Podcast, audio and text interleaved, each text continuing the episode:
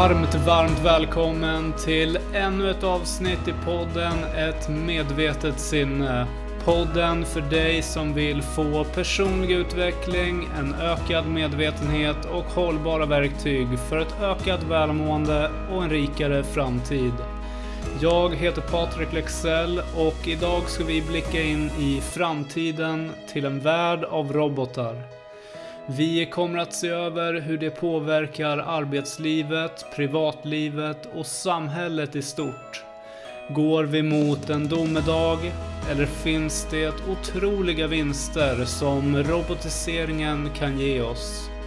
Med oss för att besvara detta är ingen mindre än den fantastiska Sofia Thunberg som är robotexpert, kognitionsvetare och robotutvecklare med bred erfarenhet och insyn inom området. Vill du komma i kontakt med henne eller mig efter avsnittet så gör ni det på sofiatunberg.se eller ettmedvetetsinne.se. Och som alltid, kom ihåg att gilla, följa och dela podden till dina nära och kära om du gillar avsnittet. Knäppa den där också. Det, jag tänkte på det, så här, jag ska nog inte göra det i podden för då kanske de tror att man sitter och dricker. Bärsar. Exakt, ja, okej, han är seriös. Kommer sen höra man öppnar en banan och så drar den. Exakt, jag tänker att man kan göra det liksom, ganska nära. Få lite skön stämning. Spårar ur helt och hållet. uh, Okej, Och den har vi där och den har vi där. Yes, men då hälsar jag dig varmt, varmt välkommen Sofia Thunberg. Och så ska vi ha den här knappen också. Nej! Vilken var klappen? Ooh! Kul att vara här. Härligt. Schysst. Ja, roligt att vara här. Eh, ja, eh, jag heter Sofia Thunberg och jag är väl robotexpert kanske man skulle kunna säga. Mhm. Jag doktorerar inom kognitionsvetenskap och håller på med människa-robotinteraktion, framförallt med sociala robotar i äldrevården just nu. Men jag har även varit lagkapten i svenska landslaget i servicerobotik, där vi hade en eh, robot som tävlade i ett eh, va- vanligt vardagsrum och åkte in och löste olika uppgifter, dels sociala, typ hälsa folk välkomna eh, till en fest eller mer praktiska uppgifter som att städa undan efter festen. Sådana här som man vill ha robotar till i framtiden. Det låter jävligt gött alltså. ja, eh, jag driver också ett eh, företag inom robotik, håller på med lite utveckling, lite föreläsningar, eh, arrangerar tävlingar och annat. Och sen har jag precis eh, börjat starta upp ett startup här med olika alternativa investeringar inom automatisering, där privatpersoner kanske ska få en liten revansch till att eh, allting automatiseras i samhället och kanske kunna tjäna sig en liten hacka på det. All right. Och det känns ju som att det är, det är liksom the next big thing. Så jag menar det, är- det är nog många som vill eh, kunna vara med på tåget så att säga. Mm, ja, det får jag hoppas på. Ja. Men eh, för du, du är, eh, alltså bland annat så är du ju eh, doktorand, eller doktorand heter Mm. det kanske, i kognitionsvetenskap och eh, du är också då robotutvecklare.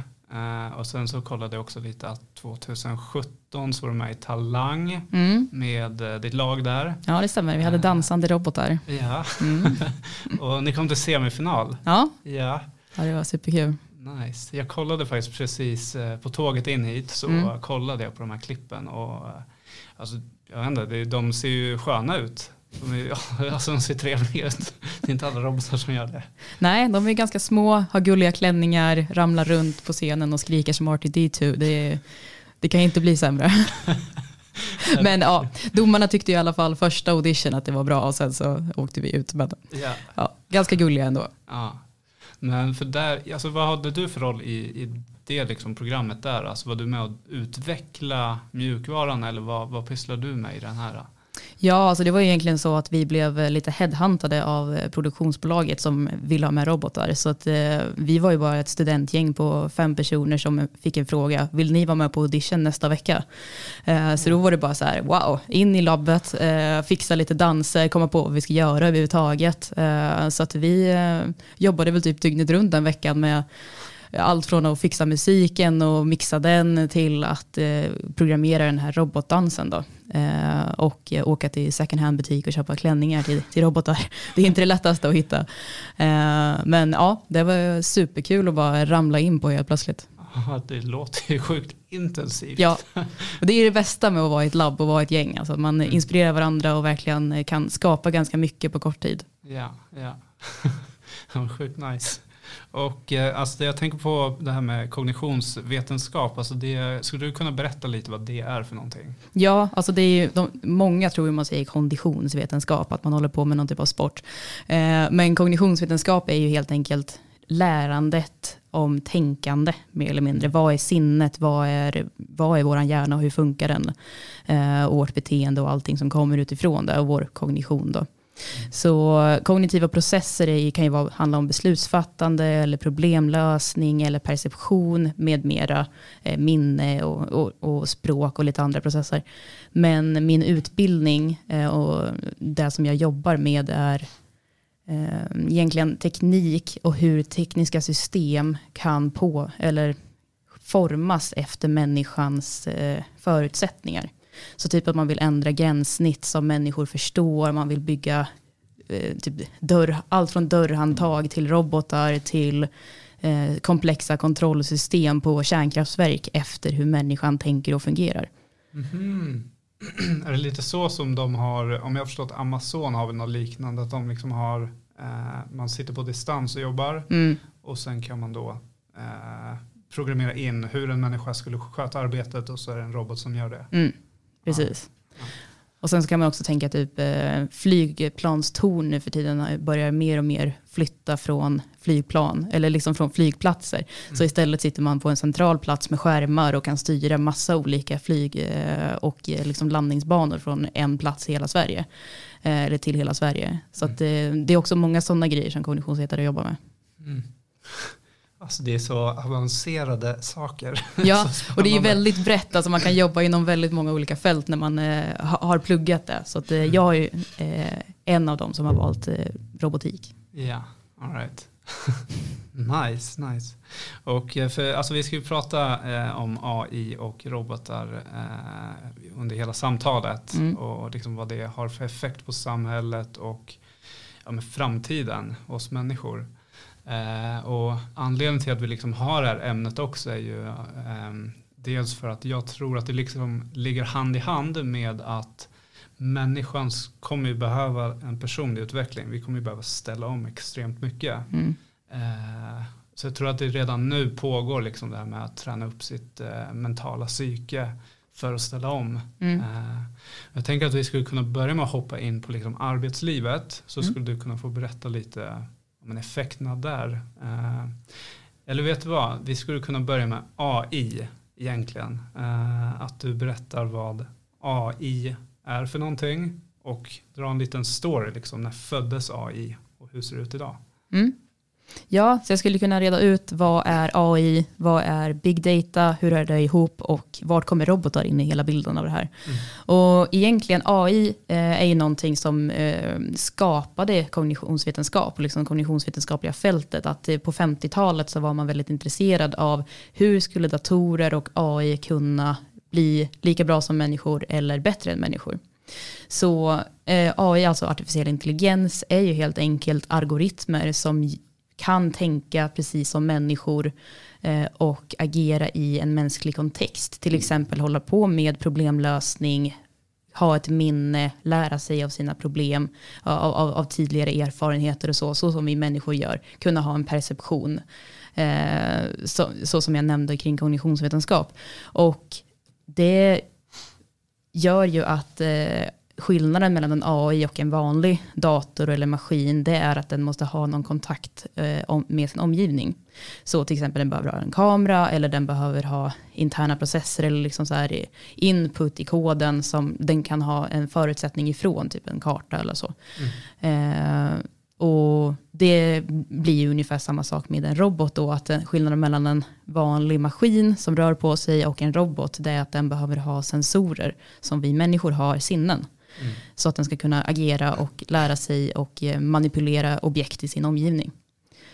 Uh, och uh, big data uh, kommer ju in i det hela kring att AI kan hantera väldigt stora mängder data. och om vi samlar in stora mängder data, till exempel Facebooks eh, annonsering eller liksom vad man klickar på eller vad man eh, går in för på hemsidor och sen så kan Facebook rekommendera eh, vad man vill köpa för någonting. Eh, och att det ofta är ganska korrekt att ja, men antingen så har du nyss sökt på det här eller så har du sökt på ett gäng grejer som hör ihop ungefär och därför har vi kommit på det här nya saker som du potentiellt skulle kunna vara intresserad av. Mm. Eh, så det behöver inte vara att du har sökt på massa skor och sen dyker det upp bara upp skor, utan det kan vara kläder i allmänhet eller saker till hemmet och sen bara, ja men skor, det är ju också höst så det just borde ju passa med lite gummistövlar just nu. Ja. Eh, och det är ju precis som att det skulle sitta ett jättestort gäng människor och analysera de här klicken och sen bara, ja men det här är ju vettigt. Mm. Eh, men att nu är det helt automatiserat med hjälp av stora, stora datamängder. Så mm. pass stora att människor skulle aldrig kunna ha tid att gå igenom det här. Okej, okay, så om man jämför liksom med, eh, om, så jag tänker big data, då tänker jag typ som att det är, om man jämför med människan så är det typ som vårt undermedvetna på något sätt. Det är liksom vi samlar in information och så lagrar vi det i oss. Mm. Och sen så plockar vi upp det när vi behöver det, lite så. Mm. Eh, men big data och AI är, alltså de kan samla in oändligt med uppgifter eller är det, finns det liksom begränsat för dem? Ja, alltså det, det är ju dels liknande långtidsminnet, så som att vi lär oss saker i skolan och sen så kan vi plocka upp det mm. förhoppningsvis, eller åtminstone kanske ha någon relation till att man kanske inte kommer ihåg vad floderna i Halland heter, men man vet att det finns floder i Halland, då kan man söka på det och kolla upp det. Mm. Eh, men det här handlar också om hur mycket eh, tid man har att läsa in saker och lära sig utifrån det.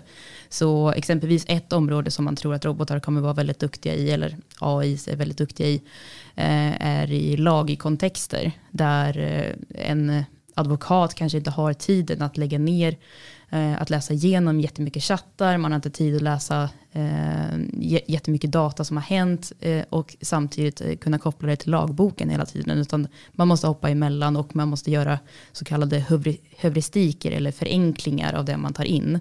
Mm. Eh, och kunna göra någon typ av uppskattning för om det här verkar sannolikt eller inte. Medan en robot skulle kunna läsa igenom absolut allting, minnas alla delar, kunna koppla samman exakt vad som borde höras ihop och göra en sannolik skattning på det. Och därför så kommer de kunna vara bättre än oss på det här. För att vi, de behöver inte göra de heuristikerna på samma sätt. Okej, okay. så skulle man då kunna säga om, vi säger om jag exempelvis eh, söker på, vi säger Norrköping, jag ska åka till Norrköping. Mm under den tiden jag liksom söker på Norrköping och börjar liksom leta restauranger och så vidare mm. så kommer en, den här AI eller big data då kunna veta exakt vad eh, allting i Norrköping består av i princip. Den mm. vet liksom restauranger på samma sekund som jag har sökt på Norrköping så vet den liksom i princip allt. Ja. ja. För att, och du frågade hur, hur, om det finns någon begränsning. Den enda begränsningen är i utrymme. Ja. Uh, och en begränsning i snabbhet. Så det, man utökar ju utrymmet och man ökar hastigheten hela tiden i utvecklingen. Ja. Och hur ser det ut idag då med liksom den om du jämför med människans liksom, eh, kapacitet, intellektuella kapacitet mm. och så jämför det med AI. Alltså hur långt hur nära är vi? Vem är, smart, är vi smartare än en AI i dagsläget?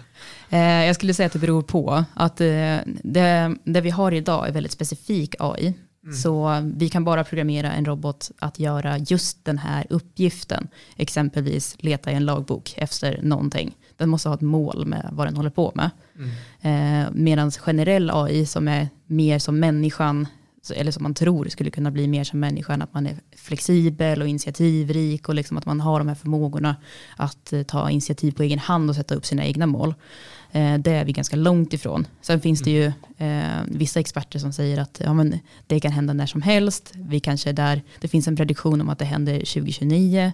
Eh, och det är en, en eh, man som har gjort många prediktioner som har gjort just den, där han än så länge haft rätt på 80 av 100 fall. Så right. vi får väl se om, liksom, om han eh, kommer klara den också. Men eh, annars så, det Va, finns ju områden. vad, vad innebär det liksom? 2029 så kommer AI utveckla sig själv och bara göra precis vad de vill eller? Ja men det skulle liksom vara födelseåret för generell AI. Okej, okay, okej. Okay. Um, men det får vi se. Vissa säger ju att det kommer aldrig någonsin hända. Så att, uh, ah. Vi vet ju inte riktigt hur hjärnan fungerar än, så det mm. finns ju ändå lite där men, kvar att upptäcka. Ja, men det är det som är så intressant, om man liksom, som du har berättat här med AI, hur mycket smartare den är på att liksom ta information. Om man nu liksom programmerar in att en AI ska eh, lära sig en specifik uppgift, vi säger då hjärnan. Mm. Vad händer om den liksom förstår hjärnan max ut och så kanske den så inser att fan, jag kan ju göra vad jag vill nu. Mm. Förstår du vad jag menar? Ja, alltså det, det finns ju många liksom domedagsscenarier kring generell AI om vi eh, ska gå in där. Mm Och dels är ju singularitet att är, är roboten lika smart som oss, då kommer den också kunna återskapa sig själv och liksom bygga fler robotar eller bygga fler AIs. Ja. Eh, och eh, sen så finns det också målproblemet att kommer vi inte ifrån att roboten behöver ha ett mål eh, och sätter liksom regler för den hur den kan bete sig. Så, eh, eller att den inte klarar av att frångå sina egna regler. Eh, så det finns ett problem som refereras till som frimärksproblemet. Det vill säga att om man säger åt en robot att ah, men jag vill ha så många frimärken som möjligt i världen.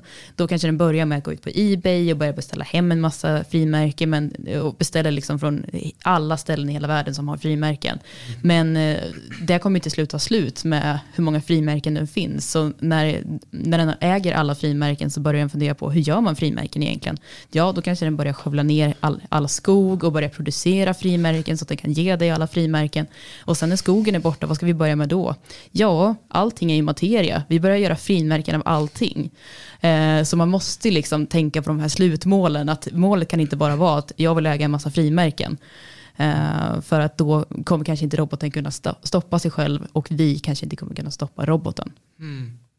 Sjukt intressant. Mm. Sjukt, sjukt viktigt vem som sitter bakom programmeringen då tänker jag. Ja, precis. ja. Eh, jag tänker att vi, vi kör lite domedagssnack lite mm. vidare sen också. Men vi hoppar in på arbetslivet lite. Liksom, vad, vad, vad ser vi där av? Om, eh, om man kollar i dagsläget liksom, och i framtiden. Vad, vilka jobb kommer påverkas och vilka jobb har påverkats redan nu? Jag skulle nog säga att alla branscher kommer påverkas på ett eller annat sätt av AI och robotik. Mm. Att eh, vi är långt ifrån klara eller att vi ens vet vart alla områden där det kommer finnas en, applik eh, en applicering. Men att i, i första hand så är det ju de arbeten som är farliga, tunga eh, och liksom riskfyllda för oss människor som man bygger och applicerar AI på. Eh, till exempel att vi har haft eh, industrirobotar sedan 50-talet. Det är många eh, robotar som liksom kör autonomt i gruvor och andra farliga yrken där man ja, dels kan, kan skada till exempel lungor men även att man liksom kan fastna och, och avlida av olika anledningar. Mm. Eh, och det är de yrken som attackerar först. Men att de senaste åren så har man mer börjat gå in på de områdena där vi ersätter vår hjärna istället. Till exempel kontor, kontorsarbete och saker som vi gör på vår dator som då roboten gör istället åt oss. Ja. Eh, och det gör ju att det, när det både är de fysiska och icke-fysiska eh, arbetena som börjar eh, automatiseras, även om det är fortfarande väldigt specifika områden och uppgifter, så blir det mindre och mindre utrymme för vad människor ska arbeta med. Mm. Och hur långt liksom spann pratar vi om? Liksom? När, eh, när börjar jobben försvinna? Ja, det, eh, 2016 släpptes det en eh, lista på vilka yrken som har störst sannolikhet att försvinna till 2030. Och högst upp på den listan, 98% sannolikhet, är fotomodeller. Så det, eh, det rekommenderar jag inte att man ska bli. Man ska inte bli fotomodell alltså? Nej, det är alldeles för lätt att bara skapa en bild eh, än att eh, behöva liksom dyka upp och posera och så längre. Alltså, så, okej, det är inte en robot som ska posera? Nej, kommer... så det är inte de här dansande robotarna i klänningar som kommer ta över, utan det är att eh, människor eller en AI kan skapa bilder eh, autonomt eh, i ett datorprogram utan att man behöver ta bilder. Mm. Men lite längre ner på den listan är ju lokförare, det är eh, transport i allmänhet, det är murare, det är kassapersonal och kassapersonal kanske vi kan hålla med om att det, det är snart borta med självskanning. Ehm, och att det finns ju också robotapplikationer för att plocka upp saker på hyllorna, Mm. att hjälpa människor i butiken att hitta rätt och sånt. Att eh, man, man börjar satsa på de olika områdena också i butiker så att det, det finns en ganska stor sannolikhet att, eh, att butiker inte kommer hanteras av människor snart. Ja. Ehm, och att längre ner på listan som har lång framtid som inte kommer ske till 2030 utan vi kanske pratar 2050 eller 2070. Där eh, är det ju dels ingenjörer men även och liksom programmerare eh, som kommer behövas mer och mer istället. Eh, men även vårdpersonal och mer människonära yrken som psykologer och präster är absolut längst ner på, på listan. Även om jag vet inte om det är ett framtidsyrke dock. Men eh, vi kanske får en robotgud. Eh, men eh, där finns det också applikationer och liksom delområden som robotar är i. Till exempel att jag håller då på med forskning inom eh, sociala robotar i äldrevården. Där framförallt robotdjur för demenspatienter kan hjälpa dem väldigt mycket med att eh, dels få sällskap men även att stressa ner, bli mindre utåtagerande, mer kommunikativ och liksom att det finns här fördelar inom delområdena även i de yrkena. Mm. Ja, jag läste om det med eh, just eh, robothundar. Jag vet inte om det var katter också. Mm, jo.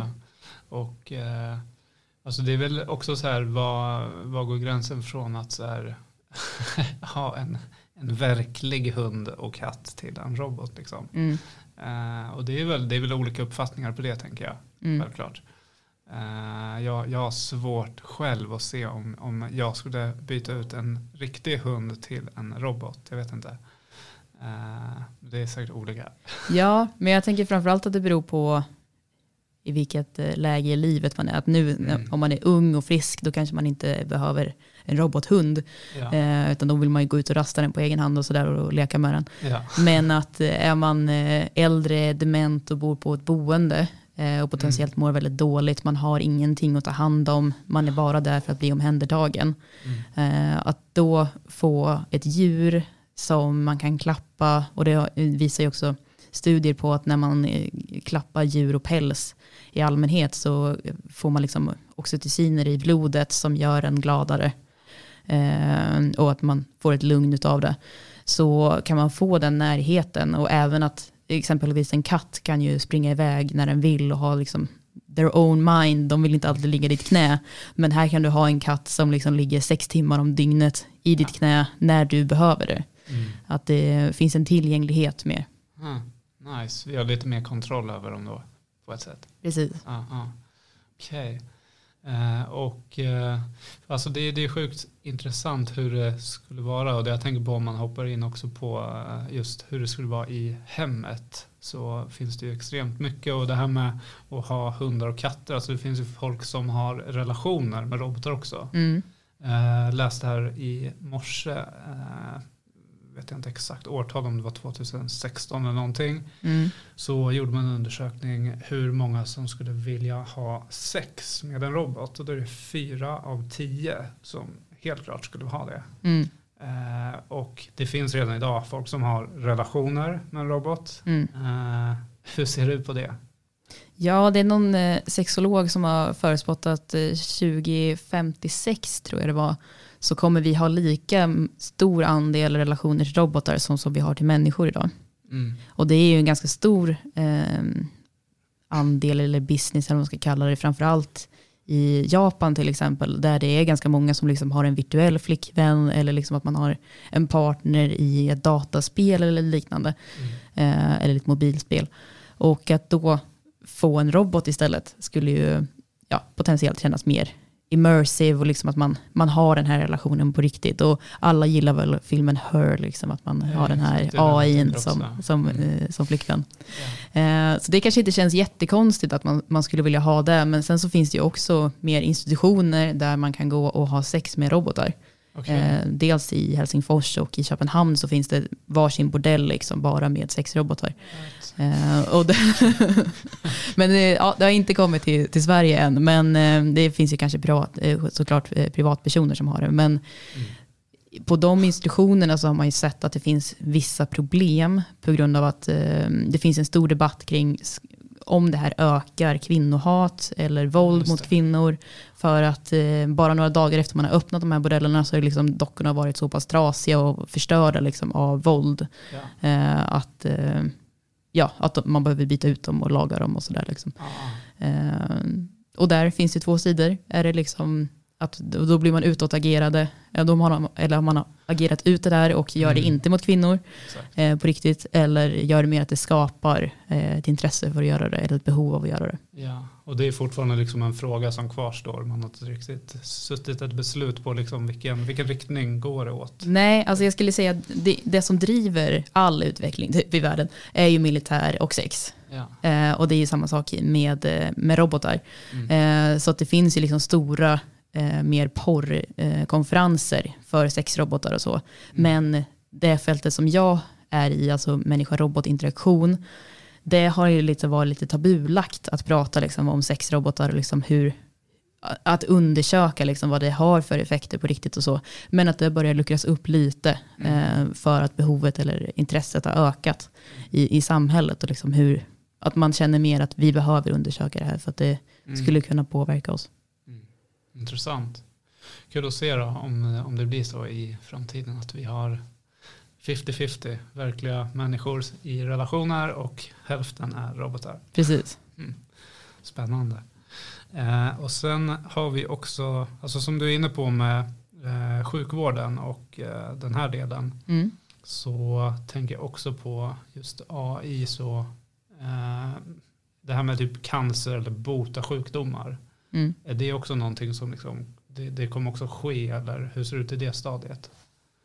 Ja, det finns ju ett exempel, ett ganska välkänt exempel, Watson eh, från IBM, som dels vann Jeopardy eh, mot människor 2011, det kanske man har koll på, eh, men även då diagnostiserar cancer. Och fram, men det, det den gör är ju att titta på bilder, röntgenbilder på lungor framför allt, för att eh, liksom upptäcka cancertumörer och så. Eh, och sen så vidareutvecklar man ju den åt olika håll liksom, för att eh, kunna upptäcka cancer. Eh, och jag tror att det är 80% sannolikhet att en mänsklig läkare upptäcker det på en röntgenbild och 86% sannolikhet att en robot gör det. Mhm. Så roboten är ju bättre. Eh, och man har ju försökt att applicera eh, eller in, eh, implementera den funktionen på lite olika sjukhus i Sverige. Mm. Men att det har varit väldigt, väldigt svårt. Att eh, dels så finns det mm, eh, ett motstånd från eh, läkarkåren. Att hur kan en robot vara bättre än våran expertis? Så det har liksom varit svårt att få in den rutinen med att man ska konsultera roboten. Mm. För att den är ju egentligen bara ett expertsystem och sen så får man ta, göra sin egen bedömning. Ehm, Ja, alltså människan kanske just nu i alla fall behövs som liksom extra dubbelcheck för kvaliteten vad roboten gör. Men som du har nämnt så är ju liksom en, om en robot har en uppgift att du ska granska det här mm, specifikt den här sjukdomen och eh, de här bilderna så, så är den betydligt bättre på det. Ja. I och med att den kommer hela tiden liksom hitta nya vägar hur den liksom ska maximera för att ha 100% hit rate. mm. Och eh, det är också väldigt vanlig implementation att man eh, vill kunna upptäcka den tidigare än vad människor kan göra. Att man ser tendenserna mycket, mycket tidigare och preventivt kan arbeta mot cancer. Mm. Ehm, Och det tror jag att vi kommer se inom många olika hälsoområden. Att eh, vi kanske kommer ha mer utrustning hemma. Man kanske kan ta blodprov hemma. Man kanske kan ta pulsen på olika sätt. Och liksom roboten mäter av sovrytm och liknande. Mm. Lite som vi redan har i vissa klockor och, Ja, och så. Men kanske nästa steg är liksom att man får göra riktiga test hemma. Och roboten kan säga åt en att man kanske ska lugna ner sig med det. Eller man kanske ska stanna hemma idag för att du håller på att bli sjuk. Och, Exakt. Finns inte det redan eller är det bara, det kanske är någon film jag har sett? Är kanske det.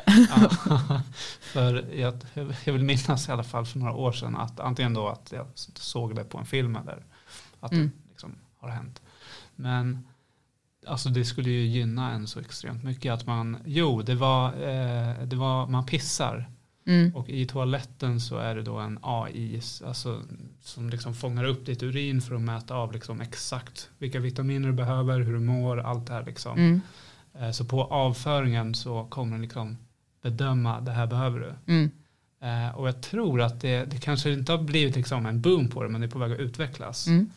Eh, det är sjukt nice. Ja, och det är jättebra. Och det är framförallt att vi eh, står ju inför en populationsförändring där demografiskt kommer ha en mycket äldre befolkning eh, än den yngre. Så att det finns färre som är i arbetsför ålder att kunna ta hand om alla äldre. Eh, och det är därför också den här utvecklingen av många hälsoapplikationer mm, går väldigt mycket framåt just nu. För att vi ska kunna ha hjälp av tekniken eh, för att istället eh, preventivt kunna upptäcka sjukdomar istället för att behöva gå till sjukhuset och upptäcka att man är jättesjuk och behöva stanna där. Mm. Sjukt bra. Det finns många fördelar med det här. Eh, gör det. Mm. Det finns sen- också några nackdelar tror jag. Mm, jag tänker det. Med typ Ja. att man kanske inte alltid vill veta om man är sjuk. Mm. Det är också sant. Det är inte alla som vill veta liksom, eh, det. Nej. Det kan vara skönt att veta. Och kanske också det här om man pratar om döden. Det är ju jättemånga som, eh, det, är ju ett ganska så känsligt ämne för många. Mm. Eh, man har dödsångest. Eh, man vill inte prata om döden. Man, man liksom oroar sig för det. Eh, och då kommer liksom frågan, eh, vill man veta datum? Liksom? Det här datumet kommer du dö. Mm. Skulle du vilja veta det? Nej, det tror jag inte. Mm. Det är väl bra att vara ovetandes. Mm. Det är nästan lite samma sak med sjukdomar i viss mån. Ja. Ja, jag är nog väldigt lik där. Att, för om, om man skulle, eller ja, jag vet inte, det är svårt att säga. Skulle man få liksom en tid så kanske man också skulle bli mer så här, okej det är det här jag vill, vill göra i livet liksom. Det här ska jag fokusera på under min tid jag har kvar. Mm. Då kanske man blir mer liksom fokuserad på vad man verkligen vill. Eller så får man panik. Det är ju liksom de två. Det Man lär ju få panik mot slutet i alla fall. Ja, Nu, eller, eller att man får beskedet direkt. Det är imorgon nu. Jaha. shit. Ja, nej, fan. Ska jag göra ikväll då? Jag skippar den då.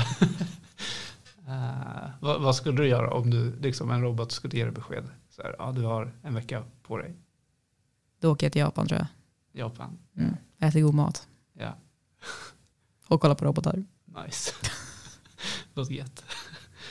Och eh, det finns ju också ett annat område eh, med nöjen och privat. Eh, vi var inne på privat innan, men också med, och som du var inne med, modell. Eh, så det här med musik eh, Mm. och foton överlag, liksom, eller måla, är det också någonting som liksom kommer förändras. Det känns som att det är, det, det är redan på gång med liksom hur, hur man gör musik nu. Så använder man oftast, eh, kanske använder FL Studio och där Mm. har du gitarr, trummor, du har liksom allt du behöver Mm. i ett program. Supersimpelt. eh, hur ser du på det? Ja, just med musik så finns det ju ganska mycket AI-projekt. Att, eh, dels så med liksom att läsa in stora datamängder av pianospelande så kan en AI komposera eh, en egen pianoslinga eller en låt och så. Eh, och där har ju varit lite exempel kring att man tog in alla, jag tror det var Beethoven eh, stycken och sen skulle den komposera eh, Beethoven liknande musik och sen så var det experter som liksom skulle uttala sig om vilken som var Beethoven på riktigt. Eh, och eh, de kunde inte avgöra. Oh, jäklar. Ja, och det är ganska coolt. Då får man ändå tänka sig att Beethoven är ju liksom eh, den absolut kändaste inom den här delen. Så okej. Mm. Ja, Ja. Då känns det ju som att vi går mot den tiden också. Att det kanske kommer vara de här robotarna som dansar och Mm. sjunger musik och uppträder för oss. Ja, sen så finns det också liksom att man kanske skulle kunna få tillbaka musik man saknar eller skulle något band som slutade för tidigt. Exempelvis man har läst in alla Beatles-låtar och sen har AI skapat en ny Beatles-låt. Just det. Eh, och det är liksom så här, ja men om, om Beatles fortsatte så kanske det skulle ha låt, låtit så här. Coolt ju. Eh, och det tror jag kommer bli mer och mer utvecklat. Att nu kanske det låter som att ja, det här är en generell Beatles-låt, det skulle kunna låta så här. Men det är ju inte de som har skapat den och då Ja. kanske man inte respekterar det eller vill lyssna på det på samma sätt som om det var människorna bakom som hade liksom en känsla eller en tanke och så. Mm. Eh, men det finns ju också helt artificiella artister idag. Ja, det gör det. Eh, till exempel eh, hologramartister där rösten är helt artificiell. Det är liksom en eh, ritad eller modellerad tjej som ser ut som en animefigur eh, som står på scenen. Och där har man haft liksom stora, stora konserter i Tokyo till exempel. Eh, där hon är en 10 meters hologram på scenen och sen så är det tusentals fans på plats. Mm. Och det öppnar ju också upp för andra typer av föreställningar. Att det, man skulle kunna ha en konsert i Tokyo och en i New York samtidigt. Ja, just det. Just det, det är bara att koppla upp på två skärmar. Precis. Ja. eh, vad, vad hette den här uh, artisten? Kommer du ihåg det? Eh, hon heter Hatsune Miku. Eh, och hon är från 2016 så det är ändå ett bra tag hon har funnits. Och sen dess så har man ju gjort liknande hologramkonserter med eh, Tupac och Whitney Houston och Michael Jackson. Eh, för att ge fansen en sista show med bortgångna artister. Coolt. Jag tänker också på, eh, alltså jag, jag spelar ju ingen musik så, men jag, jag eh, gillar musik extremt mycket. Mm. Och om man kollar liksom på utvecklingen så har eh, alltså musiken var ganska lugn i början och alltså rytmen tänker jag då. Mm. Och så har de gått snabbare och snabbare till liksom eh, eh Avicii och alla house, house-låtar där det bara mm. preppas med ljud. Mm. Eh, och där tänker jag också med AI, alltså AI går ju snabbare och snabbare. Mm. Eh, jag tänker att det kommer vara så här singulärt ljud bara, ett konstant ljud. det, är liksom, det, det, är dit vi går och vi kommer gilla det. Ja, det är kanske det vi kommer lyssna på. Det är bara en intensiv ton och vi bara nice. Ja, typ som white noise eller något sånt. Ja. ja. och det, det är populärt redan nu liksom. Ja, att verkligen. lyssna på väldigt låga toner eller höga, vad man nu vill. Ja. Så det är, det är nice. Uh, jag använder det själv liksom, för jag, jag mediterar ju en hel del. Mm. Och uh, beroende på vilken frekvens i ljudet som du lyssnar på så kan du liksom tuna in på olika känslor i din kropp och så vidare med Mm. alla de här uh, chakra-delarna. Så det är ju sjukt användbart också för välmåendet. Mm. Så det är asbra. Och jag menar om man nu typ ska gå och gymma så kanske man inte lyssnar på uh, sömnmusik utan man, man vill lyssna på någonting som triggar igång en. ja, jag har aldrig förstått det. Jag gillar att lyssna på klassisk musik om man typ är ute och springer. Ja men det är nice när man springer tänker jag också. Det är jag också. Eh, om jag cyklar då brukar jag köra ganska lugnt. Mm. Det är nice, fridfullt. Känns som jag bara eh, har det härligt. You're in the moment. Exakt. Så det är nice. Eh, Okej. Och Sen har vi eh, om vi går in på samhället. Du var inne på det också med transporter. Mm. Eh, flyg, alltså transporter generellt liksom. Du var inne på att robotar, robotar tar över de här delarna. Mm. Eh, och det kan man ju också se på, eh, det finns väl sådana liksom, städer som redan har det nu, självgående bussar och så vidare. Mm.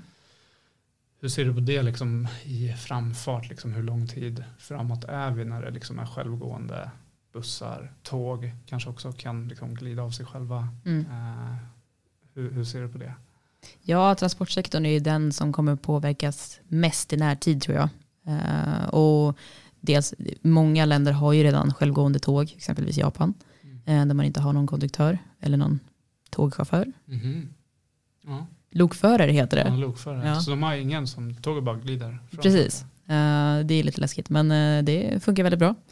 Eh, sen så till exempel i Linköping, på Linköpings universitet, så har vi en självgående buss som går runt campus och skjutsar studenter. Eh, så att den, den är ju i forskningsstadiet men den funkar ju så, så som eh, den ska funka. Och liksom, men den åker ganska långsamt och har liksom någon som ser över den hela tiden och så. Ah, Okej, men Eh. den typ som Tesla då? Alltså, de, Ja. de kan åka på Precis. specifika vägar men inte i städer typ. Men precis, och den är programmerad att åka på en slinga. Men sen så, så som det är på ett campus så är det ju fullt med cyklar, fullt med studenter, Mhm. massa grejer i vägen hela tiden. Eh, Så att den ska ju liksom lära sig att hantera alla de här situationerna och liksom hur nära den ska stanna och, och liksom för att det ska ska inte, känna sig. inte köra över. Liksom. Nej men precis, Har liksom att den är, Har det hänt någon gång? nej, nej det har den inte, den är ganska duktig på och ha säkerheten eh, igång. Men det, det som är ännu eller det som är lite sämre är ju typ, och det som man försöker jobba bort är ju att den ska inte stanna för en cykel som är 20 meter bort. Mm. Eh, Den ska, ibland har den stannat och typ så här att en trottoarkant är lite för hög bredvid eller en rabattkant och så Mm. står den typ och bara tutar på rabatten. Eh, Skitlack. Ja, flytta dig rabatt. och då liksom, det måste kunna hantera sådana situationer att ja, men jag kanske ska backa nu och liksom börja Ja, ja. styra om och inte bara stå och tuta. ja, det. Eh, men det är någonting den behöver lära sig. Mm. Men eh, fram, den stora eh, delen är ju lastbilar som kommer att automatiseras. Ja. Och där har ju till exempel Volvo stora projekt utanför Göteborg eh, där man ska köra autonomt mellan Göteborg och Oslo på motorvägen. Eh, så jag tror i första hand så kommer vi automatisera hela motorvägsprocesserna. Ja. Sen så kanske det är en mänsklig chaufför som hoppar in innan man eh, åker in i städerna för att lasta av och, och lasta på igen. Och sen så kan den åka ut eh, på motorvägen igen. Mm. Eh, och där kommer det också finnas stora ekonomiska problem med att exempelvis i USA i nästan, jag tror det är 48 delstäder, eh, delstater, så är eh, lastbilschaufför det vanligaste yrket.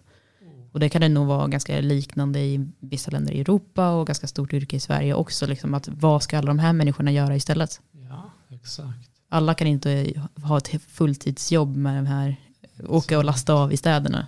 Det är det som är så jävla skrämmande på något sätt. Eh, att det är så många som påverkas. Men det är väl också det, för jag tänker, går det, låt oss säga om fem år, skulle det vara rent liksom, eh, möjligt att införa det här? Det kanske är mer humant att inte göra det för att man vet att det kommer påverka så extremt många. Ja, men det är så stora ekonomiska vinster och intressen så att det, det kommer man att göra utan att bry sig om vad, vad människorna ska ha, ha att göra. Ja, okej. Ja. Företagen kommer bara. Ja, antagligen. Ja. Men eh, man ska ju kanske inte utbilda sig till lastbilschaufför i, i, i nuläget. Nej, och inte, eller ja, vill du vara modell, passa på nu liksom. Ja, Lite så. Ja. och skynda dig. Mm. Eh, men eh, en annan del just med, med lastbilar är att redan idag så har vi lastbilståg som är ganska vanligt. Att det är Mm. bara den första lastbilen som kör eh, och efterföljande i tåget eh, bara följer efter. Där ja, chaufförerna finns där för säkerhet men de gör egentligen ingenting. Och då bör man bara säga, ja men är det den första i tåget som ska få fullt betalt? Ska de andra ha någon halv ersättning? Mm. Eh, är det liksom ett jobb att bara sitta och, och skydda den här eh, bilen ifall det händer någonting? Mm.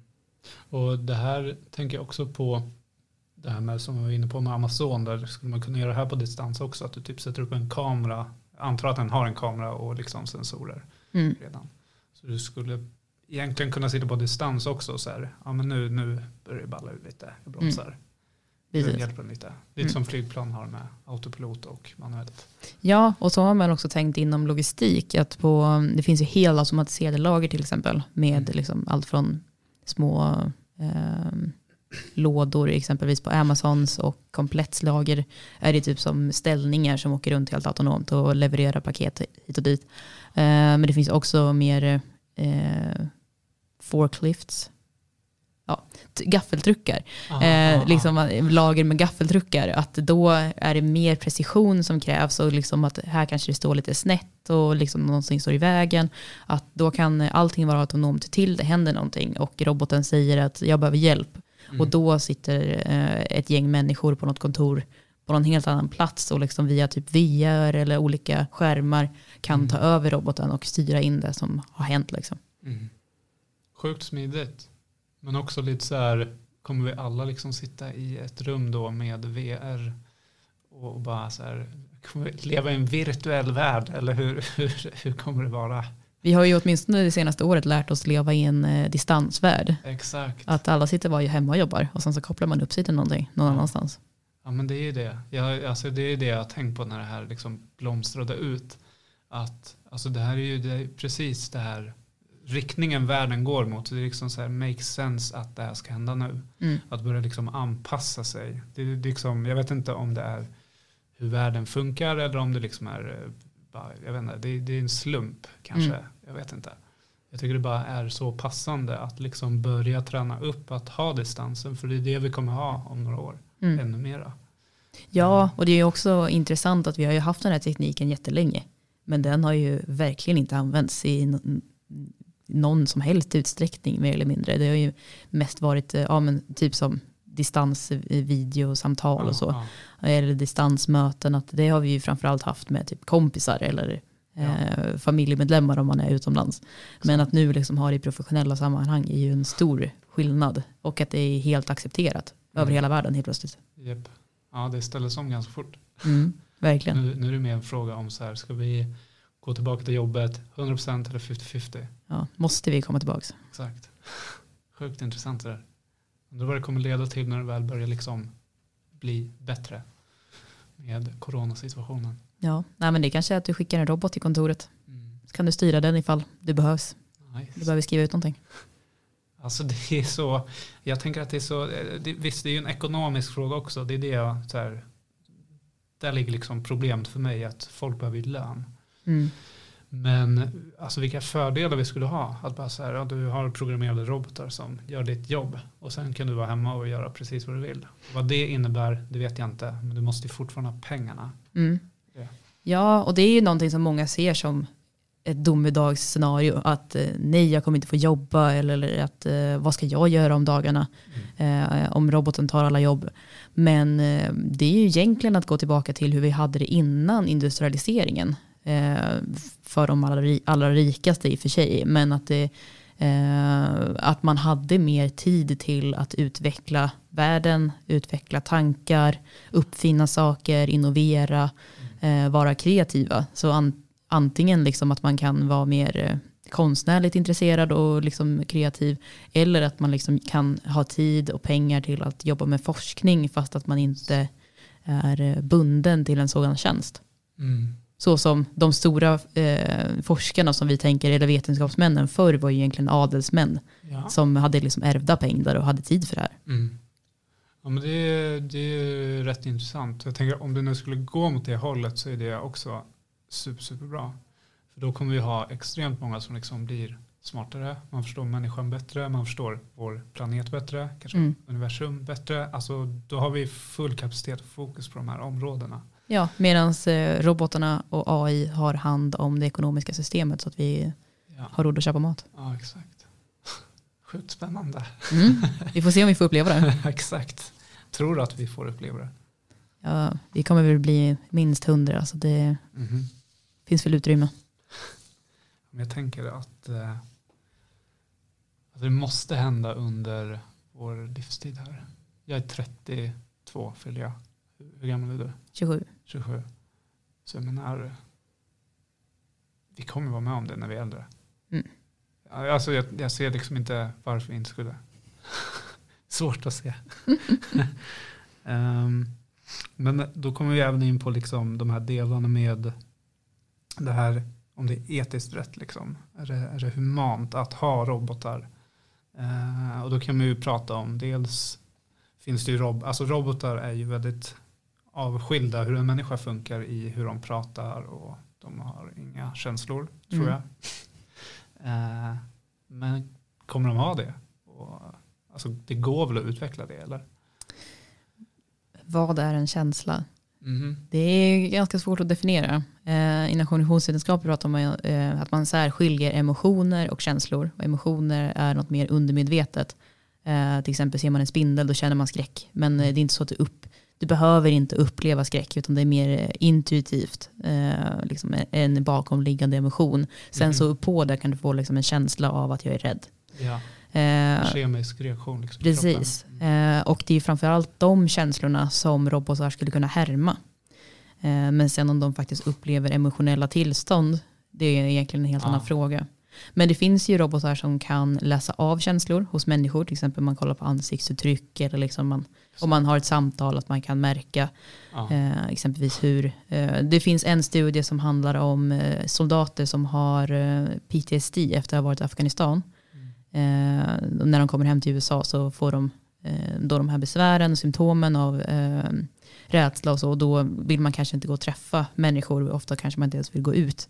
Utan då kan man träffa en virtuell agent istället. Eh, eh hemifrån via en skärm. Eh, och då i kameran i skärmen så kan roboten då läsa av hur man beter sig. Eh, och anpassa sig efter det. Vilka känslor man eh, uppvisar. Till exempel om man tittar ner, om man avviker och frågar och liksom om man gör grimaser och liksom spänner muskler i ansiktet och då anpassar sig efter det. Mm. Eh, och på så sätt så om robotar kan härma våra känslor, säga att den är ledsen, bete sig mm. som att den är ledsen, eh, är den, har den inte då känslor? Ja, eller eller vad, vart går gränsen till att det ja. faktiskt är en känsla på riktigt? Men det är fan sant alltså. Och, ja. Och det är ju verkligen, alltså det är en social intelligens det där med att kunna läsa av och så vidare. Och det är som du säger, robotar kan göra det också. Om man programmerar det liksom. Mm. Uh, du ska lära dig kroppsspråk typ. Uh, det här betyder det, det mm. betyder det. Alltså då kommer den också få känslor, eller vad man nu vill kalla det. Mm. mm. Ja, och, och, det är det jag tänker där, det är liksom i, alltså för människan så är det ju väldigt, väldigt många också som, alltså just är att ha en robot om du typ säger att du går till kassan mm. eller eh, ja, inte vet jag, du går till jobbet och du halva liksom, arbetslaget består av robotar mm. som beter sig som människor. Kanske till och med pratar som människor för att man har liksom programmerat in rösten på det sättet. Hur liksom humant är det? Är det liksom, vet inte. Ja, det finns ju en diskussion kring hur mänskliga vill vi att robotar ska bli. Mm. Om vi kan utveckla robotar som kan liksom ha artificiell hud, artificiellt hår, röra sig som människor, prata som människor och liksom att det kommer till en gräns att vi inte kommer kunna särskilja vilken som är en robot och en människa. Exakt. Vill vi dit? Det är en, verkligen den stora frågan för att då finns det ju en chans liksom att man börjar vilja ha kontrollsystem, att man måste. Att det ska vara tydligt vilket som är robot eh, i samhället. Och, men det är ju verkligen ganska långt fram för då krävs det ju också, liksom, ska robotar ha rättigheter? Ska robotar ja. ha personnummer? Eh, ska de få rösta? Liksom, är de individer? Ehm, men i ett första steg, liksom redan idag, så finns det diskussioner kring exempelvis röster och så, robotröster. Att man kan ju ringa till ett försäkringsbolag exempelvis och anmäla sin skada och sen så sitter man och pratar med någon och sen så frågar den lite frågor. Ehm, och att det till stor del sköts av robotar och att man inte märker av att det är en människa eller en robot. Mm. och där finns det lite så här att ska inte roboten introducera sig som robot? Mm. För att annars kanske man känner sig lurad. Alltså jag, jag tror att det är sjukt viktigt. Jag tänker bara så här generellt, för annars, alltså, nu, nu vet ju du mer än mig om det här området så, men jag bara tänker, om man leker med tanken så här, eh, hur vet du att jag är en människa? Om vi säger, alltså förstår du? Nej, jag har ingen aning. Jag vet ju knappt att jag existerar. Ja. Så det, det är rätt sjukt att leka med den tanken. Uh, och det, jag vet inte, det, det, är också fascinerande men lite skrämmande också. Mm. Eh, och då kommer vi också in på liksom de här delarna med eh, vår existens generellt. Liksom. Eh, och jag tänker på en del med typ Matrix, mm. liknande. Alltså, vad, vad, vet vi egentligen? Mm. Så, men, men om du, du som ändå forskar inom det här området, skulle du, hur, vad ser du för liksom potential eller potentiell möjlighet att vi lever i ett matrix? ja, jag tror att det var någon, eh, vissa beräkningar visar ju på att det är större sannolikhet att vi lever i en simulation än att vi inte gör det. Ja. Så jag vet inte. Utefter det, vad ska man göra för, för val i livet? Jag vet inte. Mm. Alltså jag tänker bara så här, min, min tanke då blir så här, fan vad nice, då, då blir det mycket enklare på något sätt. Alltså jag menar en, en, en, robot eller en AI och så vidare. Om vi nu lever i ett matrix liksom så behöver man ju kanske inte tänka på alla rädslor och så vidare. Man behöver inte bry sig så mycket om vad som händer i livet. Nej. Uh, I och med att det inte är livet. Det är ett spel på, på ett sätt. Ja.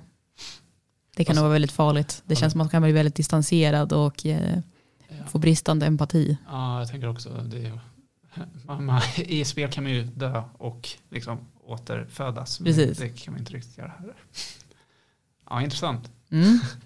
eh, och det här med, eh, som vi är inne på, liksom med eh, människor är lika robotar, så tänker jag också på eh, Elon Musk håller ju på med någon forskning med att liksom sätta in ett chip där mm. vi liksom ska bli ett med AI. Han säger att det är, eh, alltså det finns ju jättemånga eh, sådana här människor som är extremt smarta inom ämnet. Eh, Mm. jag tror att Stephen Hawkins också nämnt det här med att vi måste vara jäkligt försiktiga när AI kommer för Mm. eh, eh, ja, det kan bli domedag eller alltså vi, vi kommer knappt märka när det händer kanske. Mm. Och E- Elon Musk nämner ju då att det är otroligt viktigt att vi liksom blir united. Mm. Vi ska liksom emerge med AI, vilket vi redan håller på med i relationer och arbete Mm. och så vidare. Så hur, hur ser du på det, liksom, att vi skulle bli hälften robotar? Eller säg typ att du sätter in chippet och får eh, artificiell intelligens Mm. också. Hur ser du på det? Är inte riktigt säker på att eh, herr Musks chip eh, kommer fungera. Men det är ju absolut eh, en stor sannolikhet att vi kanske blir mer och mer liknande cyborgs. Eller att vi vill operera in teknik eller använda teknik i kroppen Mm. eh, mer och mer. Eh, som kanske är lite mer närmare än vad eh, det här AI-chippet skulle kunna vara.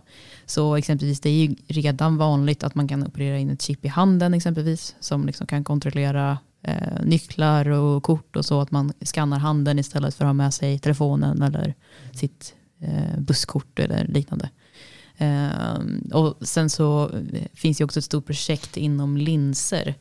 Att eh, operera in, eller inte operera, men använda linser som har teknik i sig som då kan zooma, korrigera synen automatiskt. Man ska kunna få night vision. Eh, och det är liksom övermänskliga krafter att eh, kunna se på det sättet. Eh, och så finns det ju också såklart en stor teknik kring eh, exoskelett, att vi ska kunna styra eh, robotdelar på vår kropp via att man kopplar in dem i neuroner och, eh, och så. Sjukt intressant. Vi kommer ju bli superhjältar om vi gör det här. Ja, Det är ashäftigt. vad, vad skulle du se så här, om, om du fick välja en superkraft liksom, om du emerger med AI, vad skulle du välja då? Vad skulle du liksom eh, bygga? jag tror att det roliga skulle vara att bli väldigt stark. Så att Mm. liksom ha en sån här eh, typ Iron Man dräkt Ja, med en trevlig Jarvis. ja jävlar nice. Ja.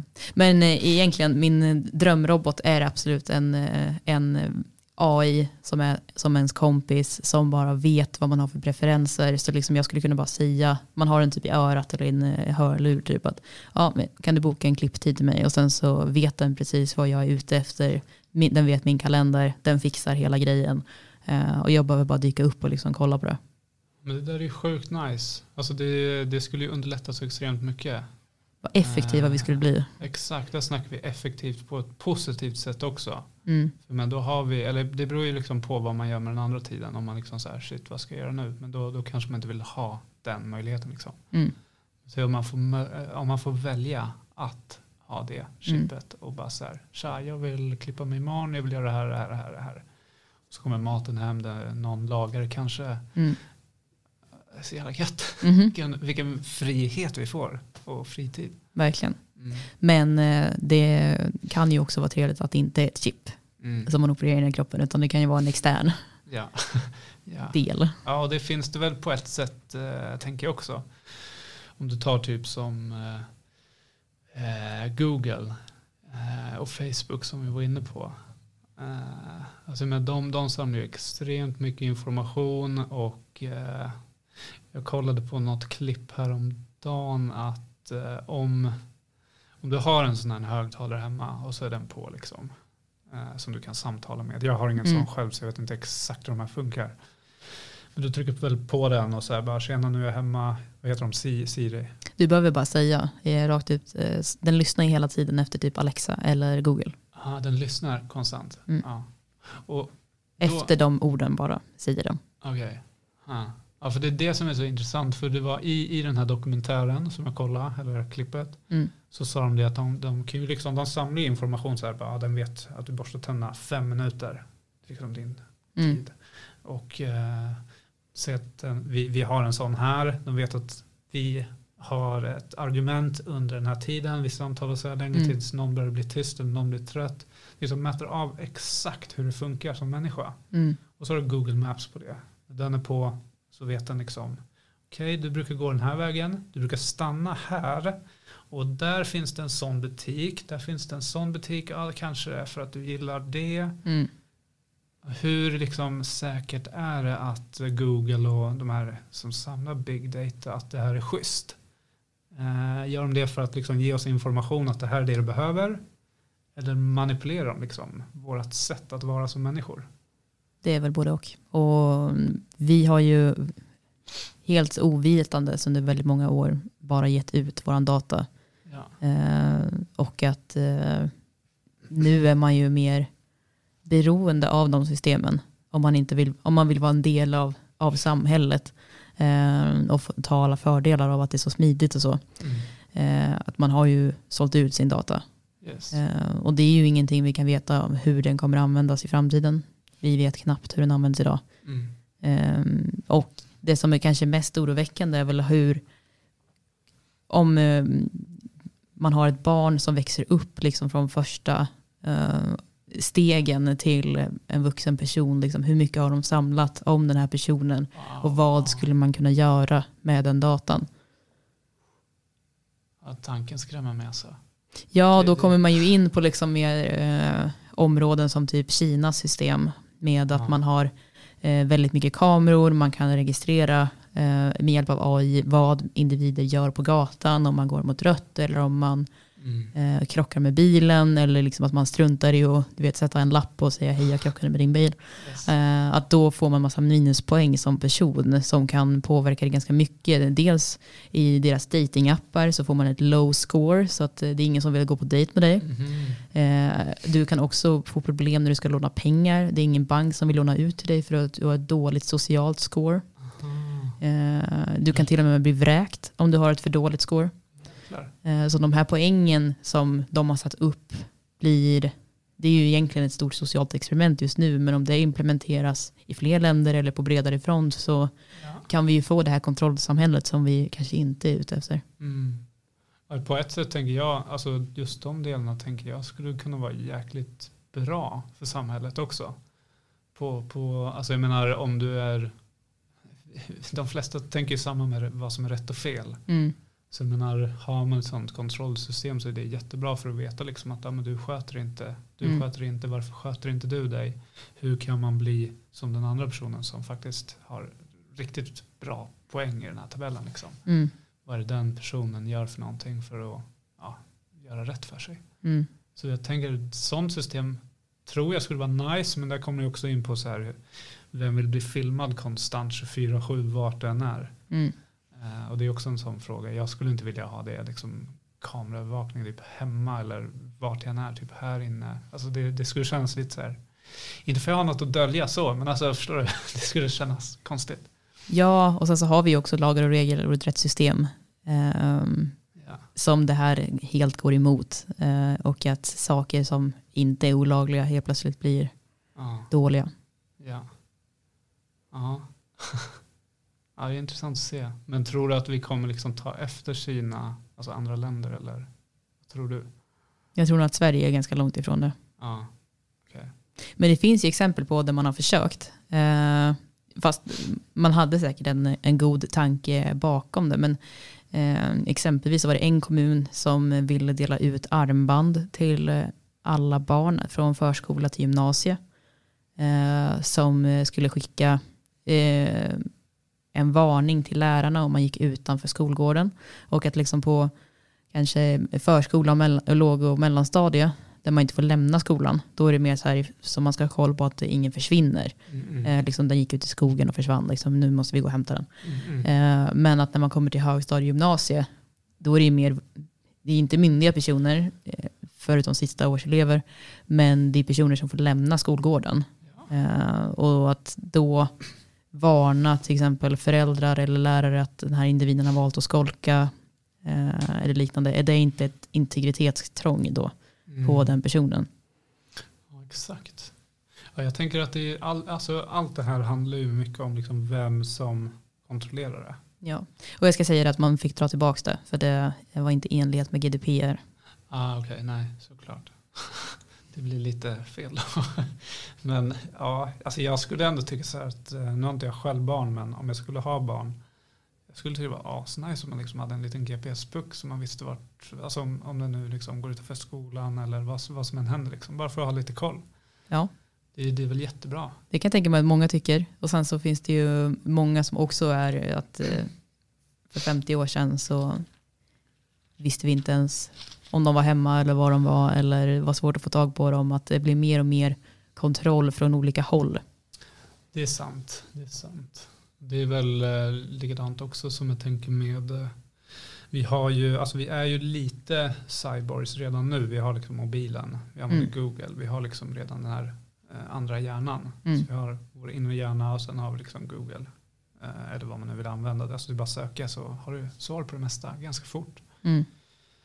Eh, och typ som Google Maps. Eh, jag brukar försöka vara väldigt försiktig och använda det. Inte för att jag så är rädd för att Google ska veta vad jag gör. Utan mer för att jag vill liksom ändå se om jag kan hitta stället. Och om jag inte hittar så pratar jag med en människa. Mm. Jag tycker det är nice att ha liksom fortfarande den här kommunikationen. Men jag ser också att det liksom faller bort mer och mer. Mm. I och med att de flesta tar bara upp luren och så går man efter telefonen. Ja. Så vi tappar liksom de här sociala mötena ganska mycket. Mm. Eh, vilket jag tycker är ganska trist. Så jag Mm. hoppas inte att det fortsätter åt det hållet. Ja, det kanske blir en robot du får fråga på gatan. Ja, det är nice. om, den är, om den är skön. Mm. så du får programmera ett par sköna robotar där. Mm. Som kan berätta vägen. Exakt. nice. Jag har några avslutande frågor till dig faktiskt. Ja. Eh, Så första frågan är eh, Blir vi smartare eller dummare tack vare teknologin och AI? Jag tror att till viss del så blir vi smartare om man tar sig tiden att lära sig och förstå vad det är vi håller på med och hur det påverkar oss. Mm. Men mycket av tekniken som försöker anpassa sig efter oss så mycket som möjligt och att vi ska liksom bli beroende av det, det fördummar ju mer. Mm. Så det är nog både och på den frågan. Ja, bra svar. Jag tänker också hur man hanterar information kanske. Att man har den liksom kunskapen. Mm. Att eh, du inte behöver söka allting. Mm. Eh, mm. Nice. Och eh, vad skulle du säga är det viktigaste att tänka på för att endast få ut det bästa från AI och undvika att AI eventuellt tar över och förintar mänskligheten? Det viktigaste är att vi behöver någon typ av reglering. Idag så finns det inga globala regler för vem och till vad man får utveckla AI. Till exempel inom militär ehm, och liknande. Mm. Så det tror jag att det är en väldigt viktig del som fler och fler behöver fokusera på. Och att också även i Sverige att vi behöver kanske ha någon nationell, eh, nationella riktlinjer. Ja. Det finns inga sådana idag eller? Nej, det finns vissa etiska rekommendationer. Okej. Men det finns egentligen inga partier eller så som driver några AI-frågor. Även fast att det kommer påverka oss otroligt mycket. Okej. Så det kan finnas liksom folk som har utvecklat förintande AI-robotar eh, och skulle typ kunna använda det för att man så här, Potentiellt. det finns inga regler. Visst. Ja, då måste det ju komma till alltså. Men vet man om liksom högt upp, liksom, de som ändå bestämmer sådana här saker, vet, vet de om liksom vad AI innebär? Och vad det skulle kunna innebära? Alltså det finns ju extremt många fördelar som vi varit inne på. Mm. Eh, sjukdomar och arbeten som man kan eh, lösa snabbare och effektivisera livet. Men sen finns det den där potentiella möjligheten att liksom någon bara go crazy. Ja, Nej, men det faller ju lite inom eh, digitaliseringsrollerna i, i eh, eh, de olika ledningsnivåerna. Liksom. Mm. Mm. Men sen så tror jag inte det är jättemånga AI-experter som har de rollerna. Okej, det borde det kanske vara. Kanske. Ja. Du får bli politiker så att du liksom kan Jag ska sadla om nu. Du kan göra det som så här, sidojobb. Du får vara den som så bestämmer att ja, men det här ska vi göra, det här är inte bra. Ja, men inför förra valet så fick eh, i eh, tidningen Ny Teknik eh, alla partier svara på vissa frågor kring eh, robotar och AI och hur de tänker kring de här grejerna. Mm. Eh, men de flesta partierna svarade att de vill inte se några regler för det här utan att det ska skötas av näringslivet och inte av politiker. Okej. Ja. Men det är potentiellt att de behöver tänka om där. Ja, alltså jag tänker att det är väl det är väl skönt med friheten men det är ju som sagt det finns ju det, det är en risk också. Ja, och det som man brukar referera till är ju hur eh, atombomber eh, skapades och liksom hur den tekniken kom fram. Att det var ju egentligen en fysiker som en eftermiddag eh, gick runt på Londons gator och funderade på ett problem och hade löst det i slutet av dagen och bara ja, okej, okay, det funkar så här när man kliver atomer. Så det kan gå ganska snabbt att eh, ja. någonting som man eh, i första hand vill använda till att utvinna energi ja. kan även användas som förstörelsevapen. Exakt. Ja, jag, tror, jag tror det är sjukt viktigt att få någon form av reglering eller en ökad förståelse som vi får här av dig. Liksom. Mm.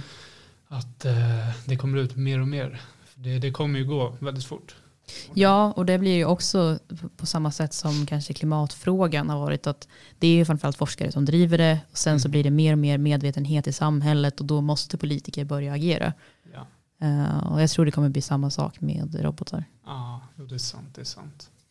Ja, men det är bra. Då känns det ändå tryggt. Ja, så alla som lyssnar, börja diskutera AI och eh, sprider bland era vänner. Exakt, exakt. Vad betyder det här för oss? Exakt, och hör av er till mig och Sofia också. Och bara så här, det här tycker jag om AI. Det är sjukt intressant att veta också vad, vad andra tycker och tänker. Absolut. Mm. Nice. Och sen om man går in på vad skulle du liksom säga är det absolut viktigaste för oss människor att tänka på? Uh, i, alltså just det med att anpassa oss till förändringarna som kommer att hända. Mm. I och med att det är så många som kommer bli påverkade med jobb och så vidare. Vad tror du liksom är det absolut viktigaste hos en människa att ändå hänga med på tåget som kommer, kommer gå här? Ja, ja det, människor generellt gillar inte förändring. Eller initialt så är de flesta motståndskraftiga mot förändring. Men människan är också den varelse som bäst anpassar sig till mm. nya förhållanden. Mm. Så det jag har sett i mina studier, för jag har faktiskt eh, undersökt lite just kring det här med inställning till teknik. Och att det är den största faktorn till att man accepterar att Nej, men här ska vi implementera en robot, jag ska börja använda den, jag tycker det här är bra, oj det här gjorde ju mitt liv mycket lättare och effektivare. Och att det är den här inställningen till teknik som vi behöver ändra om. Att nej men jag behöver lära mig det här, jag behöver anpassa mig till att det kommer vara ett livslångt lärande vi lever inte riktigt i den tiden längre där man bara gick i skolan och sen så var man klar mm. med att ha lärt sig det man behövde i livet. Eh, och hade sitt jobb i 30-40 år och gjorde Exakt. ungefär samma sak. Utan att vi behöver anpassa oss hela tiden. Det kommer komma nya yrken, nya branscher som vi kommer behöva lära oss. Nya tekniker hela tiden som vi behöver lära oss. Eh, så det är anpassningsförmågan. Ja, men det är väl sant egentligen som du säger. Alltså vi anpassar oss sjukt bra. Mm.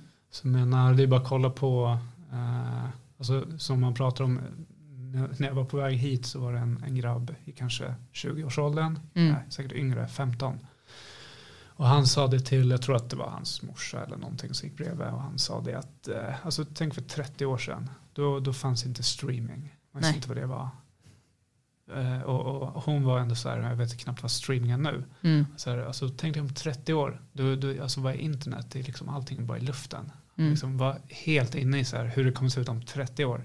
Och han är ändå redo för det. Mm. Uh, om man kollar liksom på uh, uh, millennials generellt mm. liksom, så de kanske byter jobb oftare. De är mer liksom, de testar på saker. Mm. de lever i en sån värld. och det är väl teknologin också, tack vare den att man liksom har fått konstant dopaminrus av mobiler, surfplattor, mm. vad det nu än är. Så ja, det kanske liksom kommer slå ut sig själv. Mm. Det är också lite den här um, faktorn av att man tidigare då hade först sin utbildning, sen så jobbade man på sitt jobb länge och sen, så, sen började man fundera på vad ska jag göra i mitt liv, vad betyder det här, vad är meningsfullt? Och att det kanske var den så kallade 40-årskrisen eller 50-årskrisen tidigare.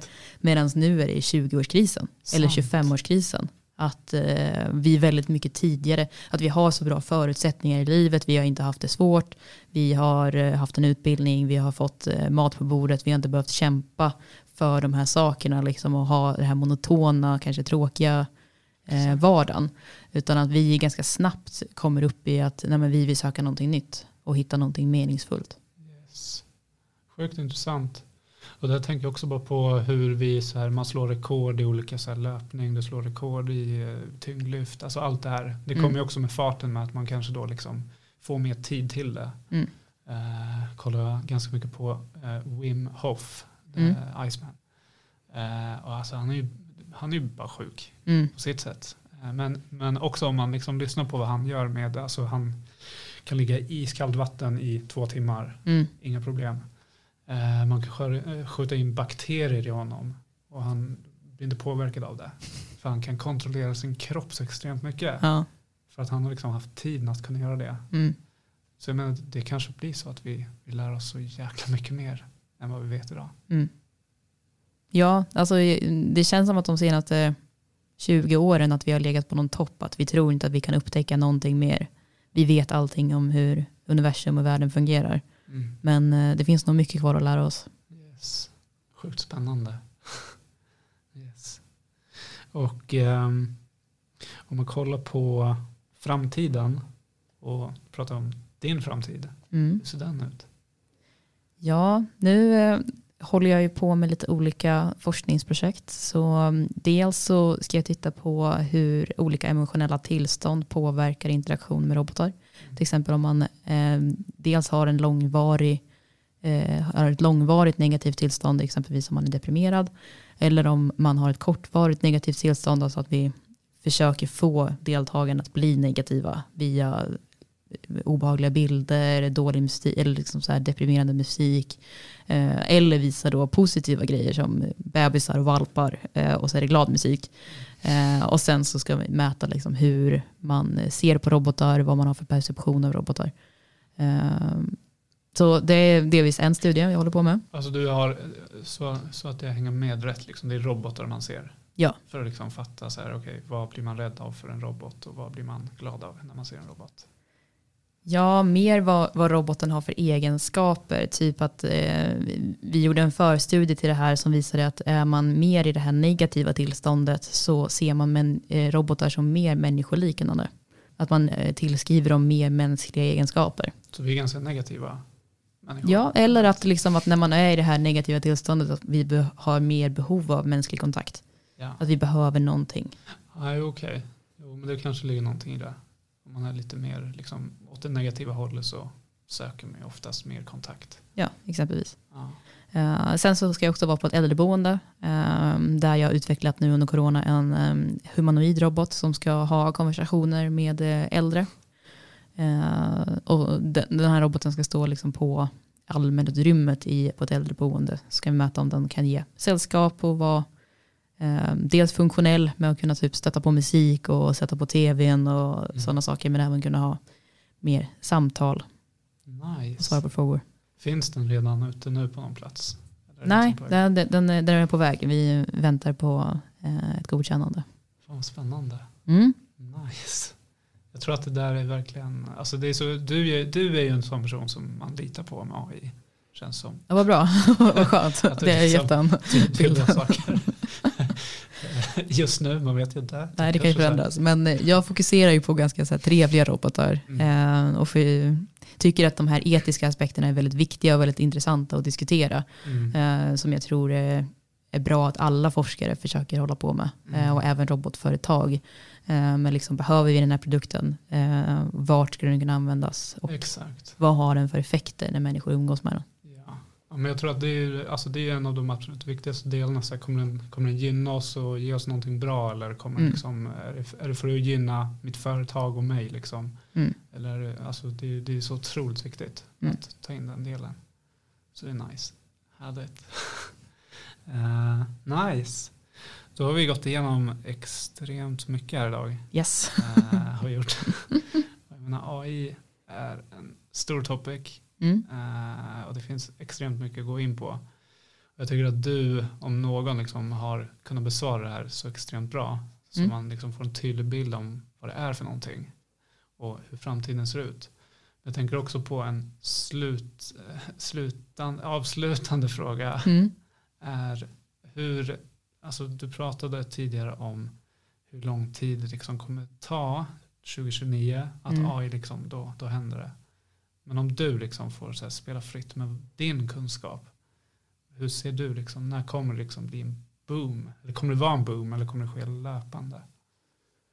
Jag tror att eh, robotar i hemmet och ute på gator i samhället kommer ha en stor utveckling fram till 2030. Att det, det kommer bli mycket, mycket vanligare att vi ser robotar som kör hem pizza eller flyger i luften och levererar paket eller plockar ur din diskmaskin eh, och kan hjälpa dig med, med sysslor i hemmet, till exempel laga mat och så.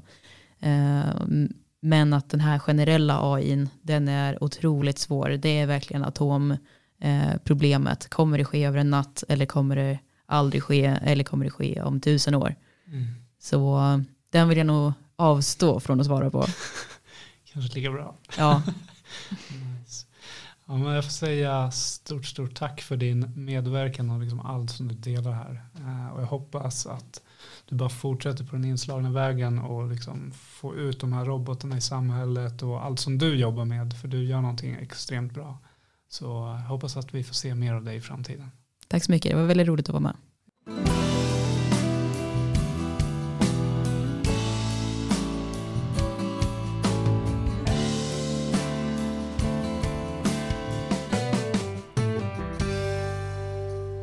Jag vill eh, tacka dig för att du har lyssnat och deltagit i detta avsnitt. Och eh, om du gillade avsnittet så glöm inte att eh, följa, gilla och dela podcasten.